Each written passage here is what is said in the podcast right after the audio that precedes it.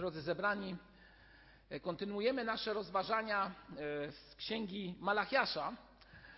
E, ostatnio czytaliśmy fragment z rozdziału trzeciego, wiersze od pierwszego do piątego, w których to wierszach bardzo konkretnie i bardzo, tak powiem, dobitnie Jezus, a właściwie mówimy tutaj, że Malachiasz trudno znaleźć historycznie taką postać, jest to jakieś konkretne objawienie Boże, anioł, a może i sam nasz Pan, który wskazuje o pewnych sprawach dotyczących także jej przyszłości. Będziemy zresztą o tych mówić.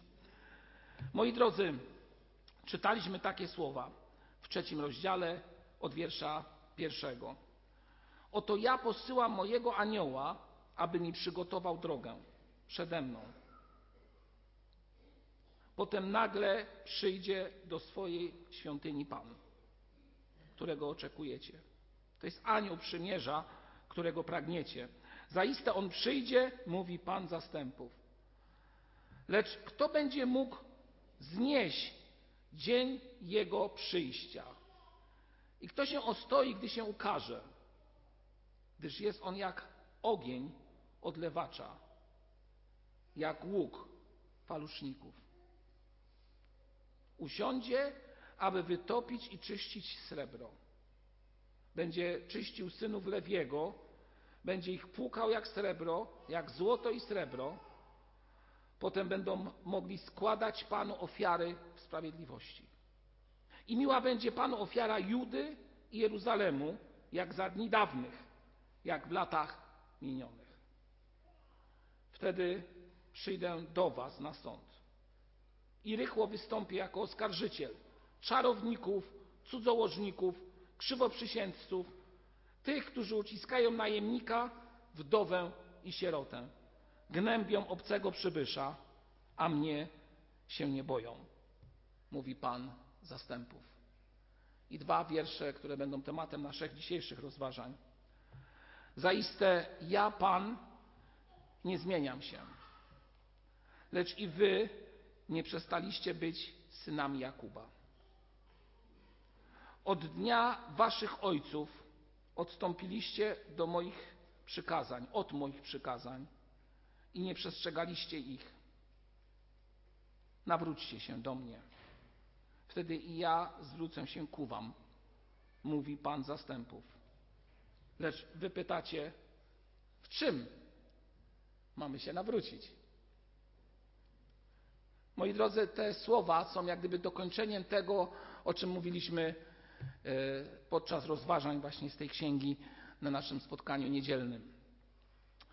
Są kontynuacją bardzo ostrego, ale też i konkretnego, ale też zarazem pełnego zachęty słowa Boga skierowanego do pokolenia Judy, które, jak już wcześniej mówiłem, z perspektywy historycznej, to V wiek przed naszą erą ta księga jest e, zapisana i mówi o tych czasach.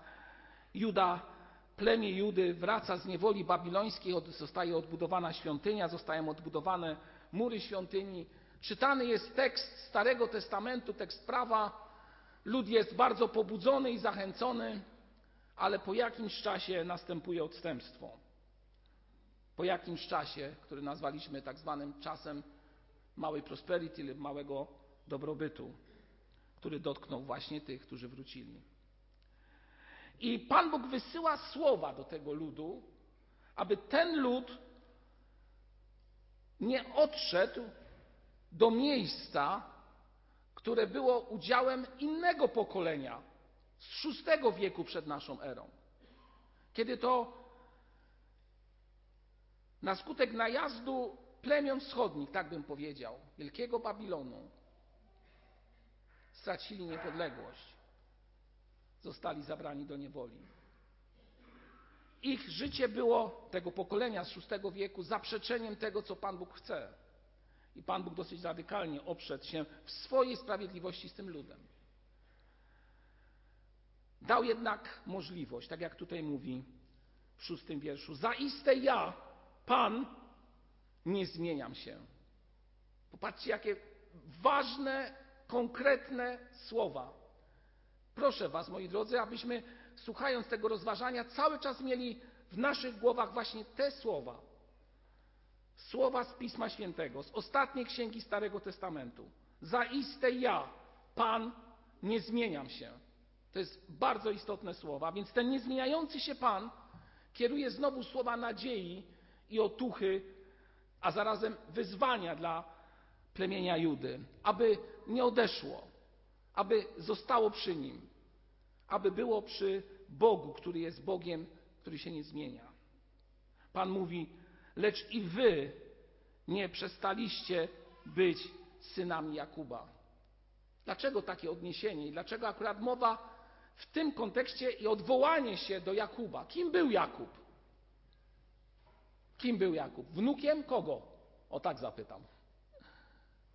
Abrahama, tak? Moi drodzy, i ten człowiek, mówiąc takim językiem bardzo uproszczonym, bardzo w swoim życiu y, zachowywał się tak troszeczkę po cwaniacku, bym powiedział. Tutaj ukradł pierworództwo za zupę, tak?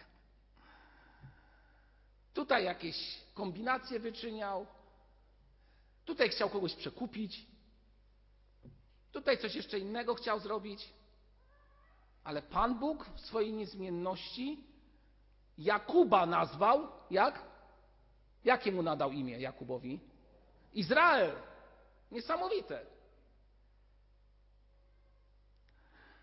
I w tym właśnie fragmencie słowa Boże są kierowane do plemienia Judy, które jest następne. Te pokolenia są niczym innym jak właśnie kontynuacją pokoleń, które w sposób szczególny doświadczyły Bożego błogosławieństwa i mówi Pan Bóg, lecz wy nie przestaliście być synami Jakuba.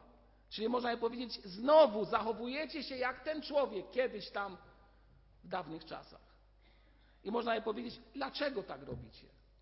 Dlaczego tak się zachowujecie? Czyżbyście nie wyciągnęli wniosków z przeszłości? Czyżbyście nie wyciągnęli wniosków z historii, która spotkała inne pokolenia, które były przed wami? Moi drodzy, to jest, tak jak powiedziałem, bardzo istotny fragment Księgi Malachiasza, wzywający i dzisiaj Kościół Jezusa Chrystusa, nas wszystkich tutaj obecnych, do refleksji, do zastanowienia się nad tym, w którym miejscu jesteśmy. Czy aby nie popełniamy błędów tych, którzy byli przed nami, zarówno w życiu codziennym, jak i w życiu religijnym, a może nie tyle religijnym, a duchowym, bo to jest zasadnicza różnica. Czy aby nie wracamy do starych przyzwyczajeń, które Pan Bóg nienawidzi, których Pan Bóg nie chce. A jakie to są stare przyzwyczajenia, czy też sprawy, które mogły być udziałem niektórych z nas? Pan Bóg jest oskarżycielem czarowników, cudzołożników, krzywoprzysięzców, tych, którzy uciskają najemnika, wdowę i sierotę, gnębią obcego przybysza i mnie się nie boją. Pan Bóg ostrzega w tym fragmencie każdego z nas. Wejrzyj w siebie. Zobacz. Ja jestem Bogiem, który się nie zmienia. Co to znaczy, że Pan Bóg się nie zmienia? W czym Pan Bóg się nie zmienia? Zastanówmy się nad tym. W czym nasz Ojciec w niebie jest niezmienny? W obietnicach, tak jest. W swojej bezgranicznej, no tutaj idzie, idzie po starotestamentowemu, sprawiedliwości. A ja bym powiedział też w swoim miłosierdziu, moi drodzy. Nie zapominajmy o tym, że Bóg jest Bogiem miłosiernym. Bóg jest niezmienny także w swoich przykazaniach, które zostały nam dane. Jest niezmienny w tym wszystkim, co stanowi o nim, a co czytamy właśnie w tej księdze. Bóg się nie zmienia. Kto się zmienia? To my się zmieniamy, moi drodzy. To my się ciągle zmieniamy i często mówimy, Panie Boże, zrób tak, najlepiej, aby to zawsze moja racja była, bo ja wiem najlepiej i najlepiej potrafię postrzegać to, co jest wokół mnie i świat, w którym jestem. Oczywiście ktoś powie, bracia, ja się tak nie modlę. No, może się nie modlisz, no. ale gdzieś tam z tyłu głowy może taka myśl przechodzi. Ja się pokutuję i czasami mówię, Panie Boże, dlaczego nie jest tak, jak ja bym chciał? No, nie macie czegoś takiego w swoim życiu? Ja mam. I wtedy mogę powiedzieć tylko jedno, Panie Boże, nie moja wola, lecz Twoja niech się stanie. Nie moje chcenie, ale niech Twoje będzie tutaj na ziemi. A druga sprawa to sąd Boży, moi drodzy. Sąd Boży. Często jest tak, że kiedy przychodzi na nas doświadczenie, zadajemy sobie pytanie, dlaczego to się stało, co jest przyczyną jakiegoś niepowodzenia. Może są to oczekiwania, które mieliśmy, a które się nie spełniły. Zaczynamy szukać różnych spraw. I moi drodzy, z przerażeniem często widzę i słyszę stwierdzenia, które mówią, albo może nawet nie mówią, ale w milczeniu i w wyrazie twarzy pokazują. Bóg jest winny temu, bo jest niesprawiedliwy.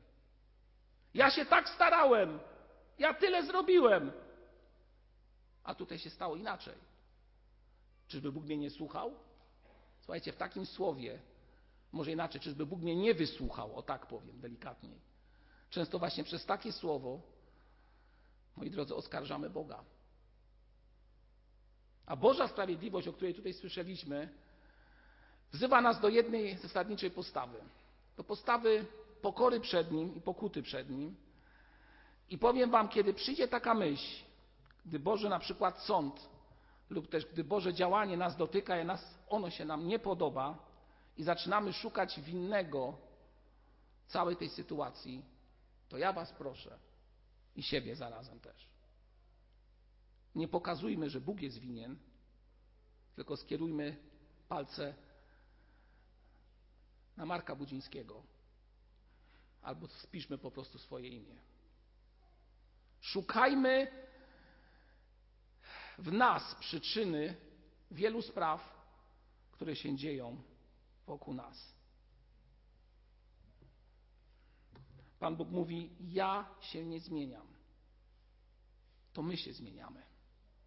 Bo raz chcemy tego, raz chcemy innego, raz postrzegamy świat tak, albo wstaniemy rano, czujemy się dobrze jest wszystko pięknie, a następnego poranka wstajemy. Wiecie, co chcę powiedzieć, tak? O tej tak zwanej lewej nodze. Ale to oczywiście jest zabobon, więc nie powiem. Chociaż już powiedziałem. I co się dzieje? Jesteśmy w złym humorze, wszystko nam nie pasuje. Na wszystkich patrzymy ze złością, a jeszcze jak pomyślimy, co jest przed nami w danym dniu, to zaczynamy się po prostu denerwować i potem padają różne dziwne, niepotrzebne słowa, moi drodzy. A nasza zmiana w nastrojach, nasza zmiana w postrzeganiu świata to jest to, co jest zaprzeczeniem tego, że Bóg się nie zmienia, o tak powiem. Ten, który jest niezmienny, w opozycji do tego stoi człowiek, który zmienia się prawie każdego dnia. I może zmienić się na dobre. Kiedy? Kiedy zacznie naśladować Boga i Jego przykazania. A może zmienić się na złe. Kiedy zacznie oskarżać Boga o wszystko, co się wokół Niego dzieje. A więc będziemy Boga oskarżać o to, że nie mamy dobrej pracy, że sąsiad ma lepiej, chociaż jest niewierzący, często o tym mówimy, że chorujemy i nie jesteśmy w stanie nic zrobić, zapominając o tym, że często ludzie chorują bardziej niż my. Czasami słyszę słowa osoby, która mówi: o, jakże ciężko mi wstać, jakże trudno coś zrobić, do jedenastej nie mogę dojść do siebie, jakim ja jestem w złym stanie, jakże to już, już cisną się słowa, Pan Bóg mnie opuścił, tak? A w tym momencie mogę powiedzieć jedno: Pan Bóg nie opuszcza nikogo. Tylko diabeł ci będzie ciągle mówił jedno podstawowe zdanie, że Pan Bóg cię opuścił, że Pan Bóg jest winny wszystkiemu. A może lepiej w takiej trudnej sytuacji podziękować Bogu? Pamiętam czasy, które niektórzy z Was znają, prawie 18 lat temu, kiedy prawie przez trzy miesiące nie mogłem normalnie funkcjonować. Wiecie o co chodzi. Jedyne co mogłem to usiąść na łóżku i zrobić parę kroków. Kiedy myślę o tym, to nie wyobrażam sobie, że coś takiego mogło mieć miejsce. I powiem Wam dzisiaj szczerze, że kiedy byłem w tym czasie i było naprawdę źle, schudłem 25 kilo, wyobraźcie sobie w ciągu dwóch miesięcy. Aż niemożliwe, nie? A jednak. I nie mogłem nastąpić. I pamiętam, że moja córka wtedy miała ile? Pół roku? Pół roku, tak? Patrzę na żonę, także tutaj właśnie. I zaczynała co dopiero siadać, więc mieliśmy taki wózek spacerowy, a lekarz mówi, ty musisz chodzić, musisz chodzić, bo nie możesz leżeć. No, no to jak tu zejść, jak ja po schodach nie mogłem zejść, moi drodzy, no. Pamiętam, trzymałem się tego wózka.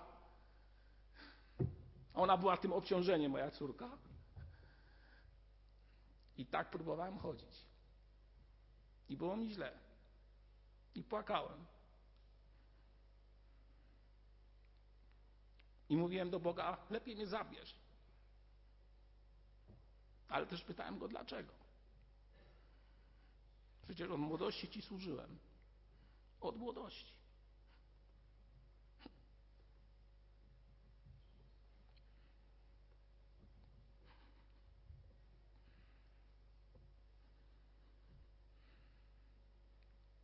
Pan Bóg się nie zmienia. To my się zmieniamy. To my nie potrafimy zaufać. To ja nie potrafię zaufać. To ja nie potrafię powiedzieć, Panie, ufam Ci we wszystkim. To my odstępujemy od Jego przykazań. To ja odstępuję od tego, aby przestrzegać to, co On mi powiedział. Czy On, Pan Bóg, przez Jezusa Chrystusa, przez ostatnie dwa tysiące lat wymyślił coś nowego? Nie, zostawił nam Słowo Boże. Słowo Boże, proste i prawdziwe. I powiedział: Ja jestem drogą i prawdą i życiem. I nie ma innej drogi. Dlaczego nie chcemy się tego trzymać? Dlaczego nie chcemy przed Bogiem pokutować i prosić o przebaczenie naszych win, naszych grzechów? Wiecie, taką mam refleksję, że dzisiaj ludzie, tak sobie myślę, szczególnie młodzi ludzie, nie wstydzą się grzeszyć. Czy zdajecie sobie z tego sprawę? Ludzie, młodzi szczególnie, ale nie tylko, nie wstydzą się grzeszyć. W tym się wyraża wolność, tak? Mówiliśmy o na ostatnim nabożeństwie tych wielu ludzi. Ale to jest absurd, to jest totalny absurd. Powiecie, co jest dodatkowym absurdem tej całej sytuacji? Że wielu nie wstydzi się grzeszyć, ale wstydzi się pokutować przed Bogiem i prosić o przebaczenie. No to jest nie do pomyślenia. A wiecie, dlaczego często tak jest? No bo ludzie mówią tak, jak powiedzieli tutaj do Pana, lecz wy pytacie, w czym mamy się nawrócić? W czym? Przecież my nie jesteśmy tacy źli w sumie. W czym mamy się nawrócić? Często właśnie pycha powoduje, że to, co jest po prostu zaprzeczeniem prostej prawdy Bożej, jest nie do przyjęcia, ale też pycha powoduje, że człowiek nie jest w stanie przyjść do Boga i przeprosić Go, powiedzieć: Panie, proszę Cię, przebacz mi. To takie proste. To takie proste, a jednak tak trudne dla wielu. Moi drodzy, te słowa, które mówią o tym, że Pan Bóg się nie zmienia, są też wielkim wezwaniem do tego, aby się nawrócić. Dlatego Pan Bóg mówi: Nawróćcie się do mnie, wtedy i ja zwrócę się ku Wam, mówi Pan zastępów. Czy zdajemy sobie sprawę z ważności tych słów? Nawróćcie się do mnie. Czy tu jest podany czas, kiedy mamy się nawrócić? Dopóki trwa czas łaski, a jesteśmy w tym czasie. To nie ma czegoś takiego, że Pan Bóg ogranicza czas Twojego nawrócenia. Dziś, jeśli, to jest, jeśli Jego głos słyszysz, uczyń to. Ale jeżeli jutro to nastąpi, a może i pod koniec Twojego życia, jeżeli teraz jest tak, jak jest, to zawsze jest czas do tego, aby wrócić do Boga, aby wrócić do Niego, aby mówiąc tak wprost, opamiętać się, po prostu opamiętać się i powiedzieć: Nie jestem w dobrym miejscu, nie jestem w dobrym miejscu. I stanąć przed Bogiem w pokorze i w pokucie powiedzieć: Panie, oczyś mnie. Bo nikt z nas, ani ty, ani ja, nie jesteśmy na tyle czystymi ludźmi, aby stanąć przed Bogiem i hardo powiedzieć: Panie, oto jestem. Nie jak prorok starotestamentowy, poślij mnie, tylko często mówię: Oto jestem, Panie. Widzisz? Nie najgorzej wyglądam. Zmiana w swoim wnętrzu, jak i na zewnątrz. Twojego umysłu i osądów, woli i uczuć, zachowań i stylu życia, motywów i celów w życiu. To wszystko trzeba zmienić. To jest nic innego jak nawrócenie, czyli zmiana sposobu myślenia. Moi drodzy, często ludzie opacznie rozumieją słowa upamiętanie, pokuta, która często gdzieś tam jest w różnych miejscach zadawada. Zresztą, gdy nawet spojrzymy do słownika języka polskiego, to zauważymy, że słownik języka polskiego, gdy mówi o pokucie, czyli tym powrocie do Ojca, wyraża to w taki sposób. To praktyka religijna, której celem jest udoskonalenie. Działanie narzucone przez zwierzchników religijnych. Zwierzchnik religijny może zmusić cię do pokuty? Jakiej pokuty? W rozumieniu Bożej czy pokuty nierozsądnej, moi drodzy?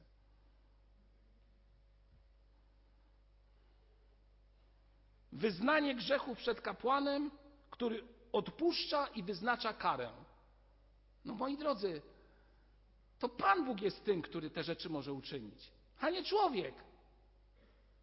Ale tak definiuje to słownik, kierując się tradycją historyczną, w której jesteśmy. Czym jest pokuta, czyli czym jest powrót do Boga? Tak jak Pan Bóg mówi, nawróćcie się do mnie, czyli powróćcie do mnie, pokutujcie inaczej by się można. Zmieńcie sposób myślenia, a wtedy ja zwrócę się do Was. Czym to jest? Moi drodzy, tutaj zapisałem sobie i zadam Wam właśnie teraz takie krótkie pytania, które odpowiedzcie sobie szczerze. Czy pokuta, czy też opamiętanie, o którym mówiłem, czy też ten powrót, albo jeszcze jak tutaj czytamy, nawrócenie, to skrucha i wyrzuty sumienia? No, na pewno w jakimś stopniu. Czy to potępienie samego siebie? Niektórzy tak uważają, że to jest pokuta. Czy to żal za grzechy wywołane obawą przed karą? Niektórzy żałują za grzechy, bo się boją kary. Powiem Wam tylko tyle, moi drodzy, że wydaje mi się, że jest to niewystarczające. Bo pokuta, czy też powrót, czy też prawdziwe nawrócenie wyraża się w tym, że człowiek nie chce grzeszyć, prosi Boga o pomoc i przeciwstawia się realnie złu.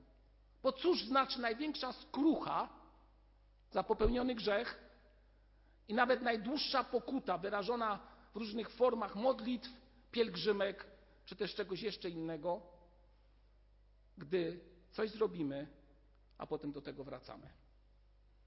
To nic nie znaczy.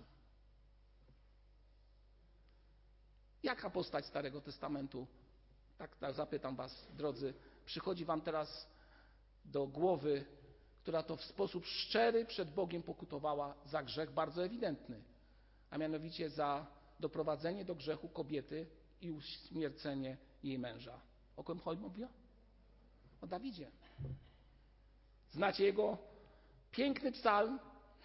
Piękny, zostawmy słowo piękne. Jego szczery psalm.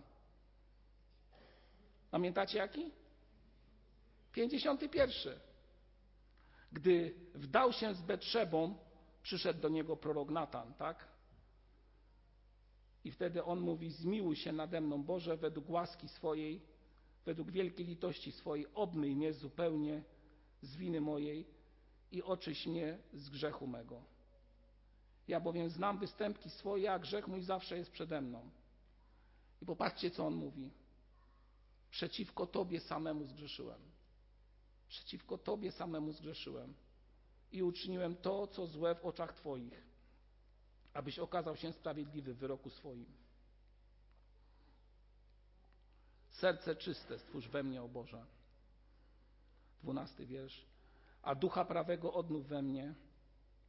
Nie odrzucaj mnie od oblicza swego i nie odbieraj mi swojego Ducha Świętego. Przywróć mi radość z wybawienia Twego i wesprzyj mnie duchem ochoczym. Wybaw mnie od winy za krew przelanie. To jest pokuta, moi drodzy. W tym się wyraża pokuta. W prośbie do Boga o oczyszczenie. O to, abyśmy mogli stanąć przed Nim i powiedzieć: Nie jesteśmy tego godni, ale przychodzimy przed Twój tron. I właśnie w tym fragmencie, którym czytamy, jest pewna, konkretna, niezmienna, powtórzę to jeszcze raz, niezmienna obietnica, która brzmi tak. Jeżeli wy nawrócicie się do mnie, wtedy ja zwrócę się ku wam. To jest obietnica, moi drodzy. Tak jak mówiliśmy, Bóg jest Bogiem obietnicy. Jeżeli ty nawrócisz się do Niego, jeżeli ty powiesz, chcę iść za Tobą, Panie, wyznasz to, to Pan Bóg w swojej niezmienności nie odrzuci Cię. Wiecie, czasami tak sobie czytam różne sytuacje, znaczy opisy sytuacji w różnych miejscach. Jeszcze trochę czasu. Pozwólcie, że tak jeden przykład. Ostatnio czytam pewną książkę, kto będzie chciał, to opowiem. Jest tam obraz człowieka, Maksym Iwanowicz, to młokość Fiodora Dostojewskiego i tam jest opis człowieka, który, moi drodzy, bardzo zamożny był i w pewnym momencie na jego drodze stanął człowiek, który był niezamożny, doprowadził go do upadku, straty domu. Ten człowiek miał rodzinę, pięcioro dzieci, małych dzieci, wszystko stracił. Na koniec, na skutek tej straty i choroby umarł ten człowiek, ale ten bogaty wychodzi z cerkwi, rozentuzjazmowany, że chwalił Boga. No i stoi pod tą cerkwią matka z pięciorkiem tych dzieci i prosi tylko o jedną rzecz. Idzie zima, proszę, nie wyrzucaj nas z domu. Proszę, nie wyrzucaj nas z domu, daj nam przezimować. Możecie się domyślać, jaki jest efekt tego. Dzieci umierają, oczywiście on nie wyrzuca, ale nagle rusza go sumienie, bo się dowiedział, że czworo z tych dzieci umarło, więc jedzie do tej kobiety, znajduje ostatnie dziecko, które jeszcze żyje, bierze to dziecko do domu, ubiera go w piękny strój i pozwala mu być przy nim. Najlepsza edukacja, lekarze, dziecko jest zdrowe. Chce odpokutować winę swoją, byśmy powiedzieli, tak? Ale stary człowiek został. I to, że dał to, co najlepsze, wyraża się w tym, że chce, aby to dziecko było bezgranicznie mu posłuszne. A więc krzyczy, żąda, terroryzuje. W pewnym momencie na skutek tego huku dziecko ucieka z domu. Staje nad brzegiem rzeki, on dobiega do tego dziecka i znowu krzyczy: Wracaj! No, z całej tej swojej złości. I dziecko wpada do tej rzeki i ginie. Ale pada do tej rzeki, trzymając się w ten sposób, co wskazuje na to, że była to świadoma decyzja tego dziecka. Niesamowita. Słuchajcie, opis porażający. Sytuacja kończy się w tym, że ten człowiek ma nadal poczucie winy. Nierozsądne poczucie winy. O czym dzisiaj tutaj mówię, że wielu ludzi w tym świecie ma nierozsądne poczucie winy. Zamiast wołać do Boga, chce po swojemu załatwić sprawę przed Bogiem. Wiecie, co ten człowiek wymyślił? Że pójdzie do tej matki, która jeszcze żyje, i się z nią ożeni. Po to, aby ta matka spłodziła mu dziecko. Po to, żeby to dziecko było jak gdyby zadośćuczynieniem za to, które zginęło. No, niesamowita sprawa. Tak się dzieje. Zabiera to matkę. Nie wiem, jak do tego doszło, ale historia jest. E, zresztą Dostojewski miał wiele historii, które były oparte na faktach. To nie był jego wymysł tam. Zresztą kto zna, tą, kto zna jego życiorys, to wie najlepiej. Więc domniemam, że był to fakt autentyczny. I powiem tylko tyle, że to dziecko, które się zrodziło z tego niechcianego związku, związku z bogatego człowieka, który wydaje mu się, że wszystko może, ma jakiś wyrzut sumienia, więc coś tam próbuje robić, ale jest to nierozsądne, to dziecko umiera ponownie. I wtedy on wszystko rzuca, idzie na tułaczkę. Czy jest to wszystko rozsądne? Moi drodzy, wielu ludzi w tym świecie tak próbuje załatwić sprawę z Bogiem. To ja Wam powiem, że jest to gorliwość nierozsądna. Bo Bóg żąda, złe słowo, Bóg, Bóg mówi w sposób bardzo prosty: wróć do mnie. Wróć do mnie. Oto teraz jest czas łaski, oto teraz jest czas bawienia. Dałem Jezusa Chrystusa, posłałem Jezusa Chrystusa, mojego syna, abyś mógł przyjść do niego i prosić go o zbawienie, mówiąc: Nie jestem godzien, ale dzięki Twojej ofierze na drzewie krzyża Golgoty mogę przyjść do Ojca. W wierze to przyjmujesz. Jezus daje Ci siłę do zmiany sposobu myślenia, do naprawiania spraw. A więc nie naprawiaj najpierw sam spraw, które są przez Ciebie może zawinione przeze mnie, ale najpierw napraw relacje z Ojcem przez Jezusa Chrystusa. Wróć do Niego, opamiętaj się. Opamiętajmy się. Wróćmy do Ojca przez Jezusa Chrystusa i kiedy do Niego wrócimy, to On zmienia sposób myślenia. I nagle rozumiesz, że to, co w tym świecie jest zmienne, chociaż wydaje mi się, że mam na to wpływ, w rzeczywistości nie mam żadnego wpływu, nie wiem, jakbym nawet się starał. Choćby nie wiadomo, co robił, to mój wpływ jest żaden, jeżeli nie ma błogosławieństwa Bożego. Więc najpierw rozpocznij od Boga przez Jezusa Chrystusa, a potem zacznij naprawiać nie sam, ale z Bożą pomocą to, co zostało zepsute. Wyznaj swój grzech, a potem zmieniaj siebie. Zaiste ja, Pan, się nie zmieniam. Dlatego, dlaczego chcemy powtarzać błędy naszych przeszłych pokoleń, dawnych pokoleń? Nie bądźmy religijni, przyjdziemy, byśmy tak to określił, zupełnie inne, nowe szaty. Szaty, które będą.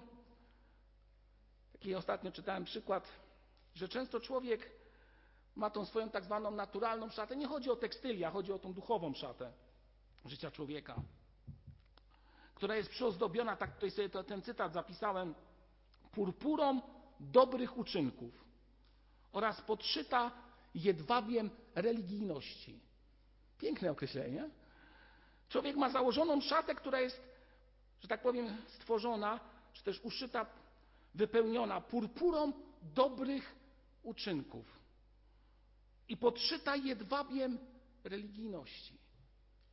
No mamy coś takiego gdzieś tam podświadomości, bo tak nas wychowali. Ale Pan Bóg mówi, żebyśmy nabyli nową szatę. Nową szatę. Nową szatę. I to jest dziwne kupowanie, moi drodzy. A wiecie, dlaczego jest to dziwne kupowanie? Bo ono polega na tym, że trzeba oddać starą, a ktoś ci da zupełnie nową za darmo. Niesamowite, nie? Szatę sprawiedliwości, Bożej sprawiedliwości, Bożego przebaczenia. Jest to trudne dla tych, którzy mają dumne i pyszne serce. Serce, które mówi, a w czym, jak czytamy w tym słowie, mamy się nawrócić? Przecież nie jesteśmy tacy źli. No wyjdźcie na ulicę tego miasta i zróbcie Porozmawiajcie, jeżeli to Wam będzie dane, bo dzisiaj wszyscy pozamykani, nikt z sobą najlepiej nie rozmawia, ale przyjmijmy taką opcję, to generalnie Wam ludzie powiedzą, kieruje się dobrym myśleniem o ludzi, nie chcesz źle czynić. Źle to nie wygląda, tak? A jednak. Dziś wzywam siebie i Was, moi drodzy, abyśmy wrócili do tego, który jest niezmienny. Pan Bóg mówi, że On będzie wytapiał, będzie czyścił, będzie. E, chciał doprowadzić do tego, abyśmy byli przed Nim jako lud czysty. Ale dziś wzywa Ciebie i mnie, nawróćcie się do Niego. Wróćcie do Ojca.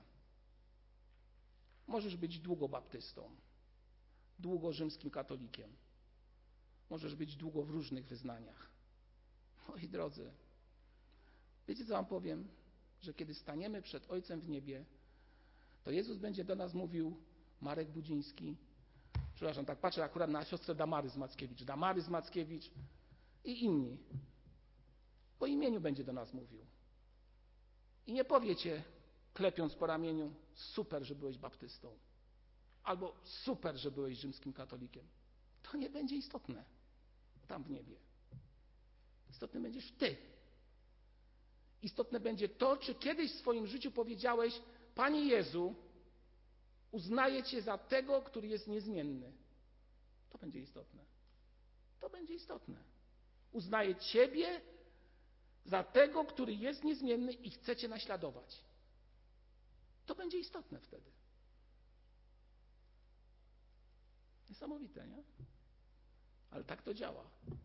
Dlatego, jeżeli wołamy do Ojca, wołamy do Jezusa Chrystusa, On zwróci się do nas. Zapraszam do modlitwy. Powstańmy.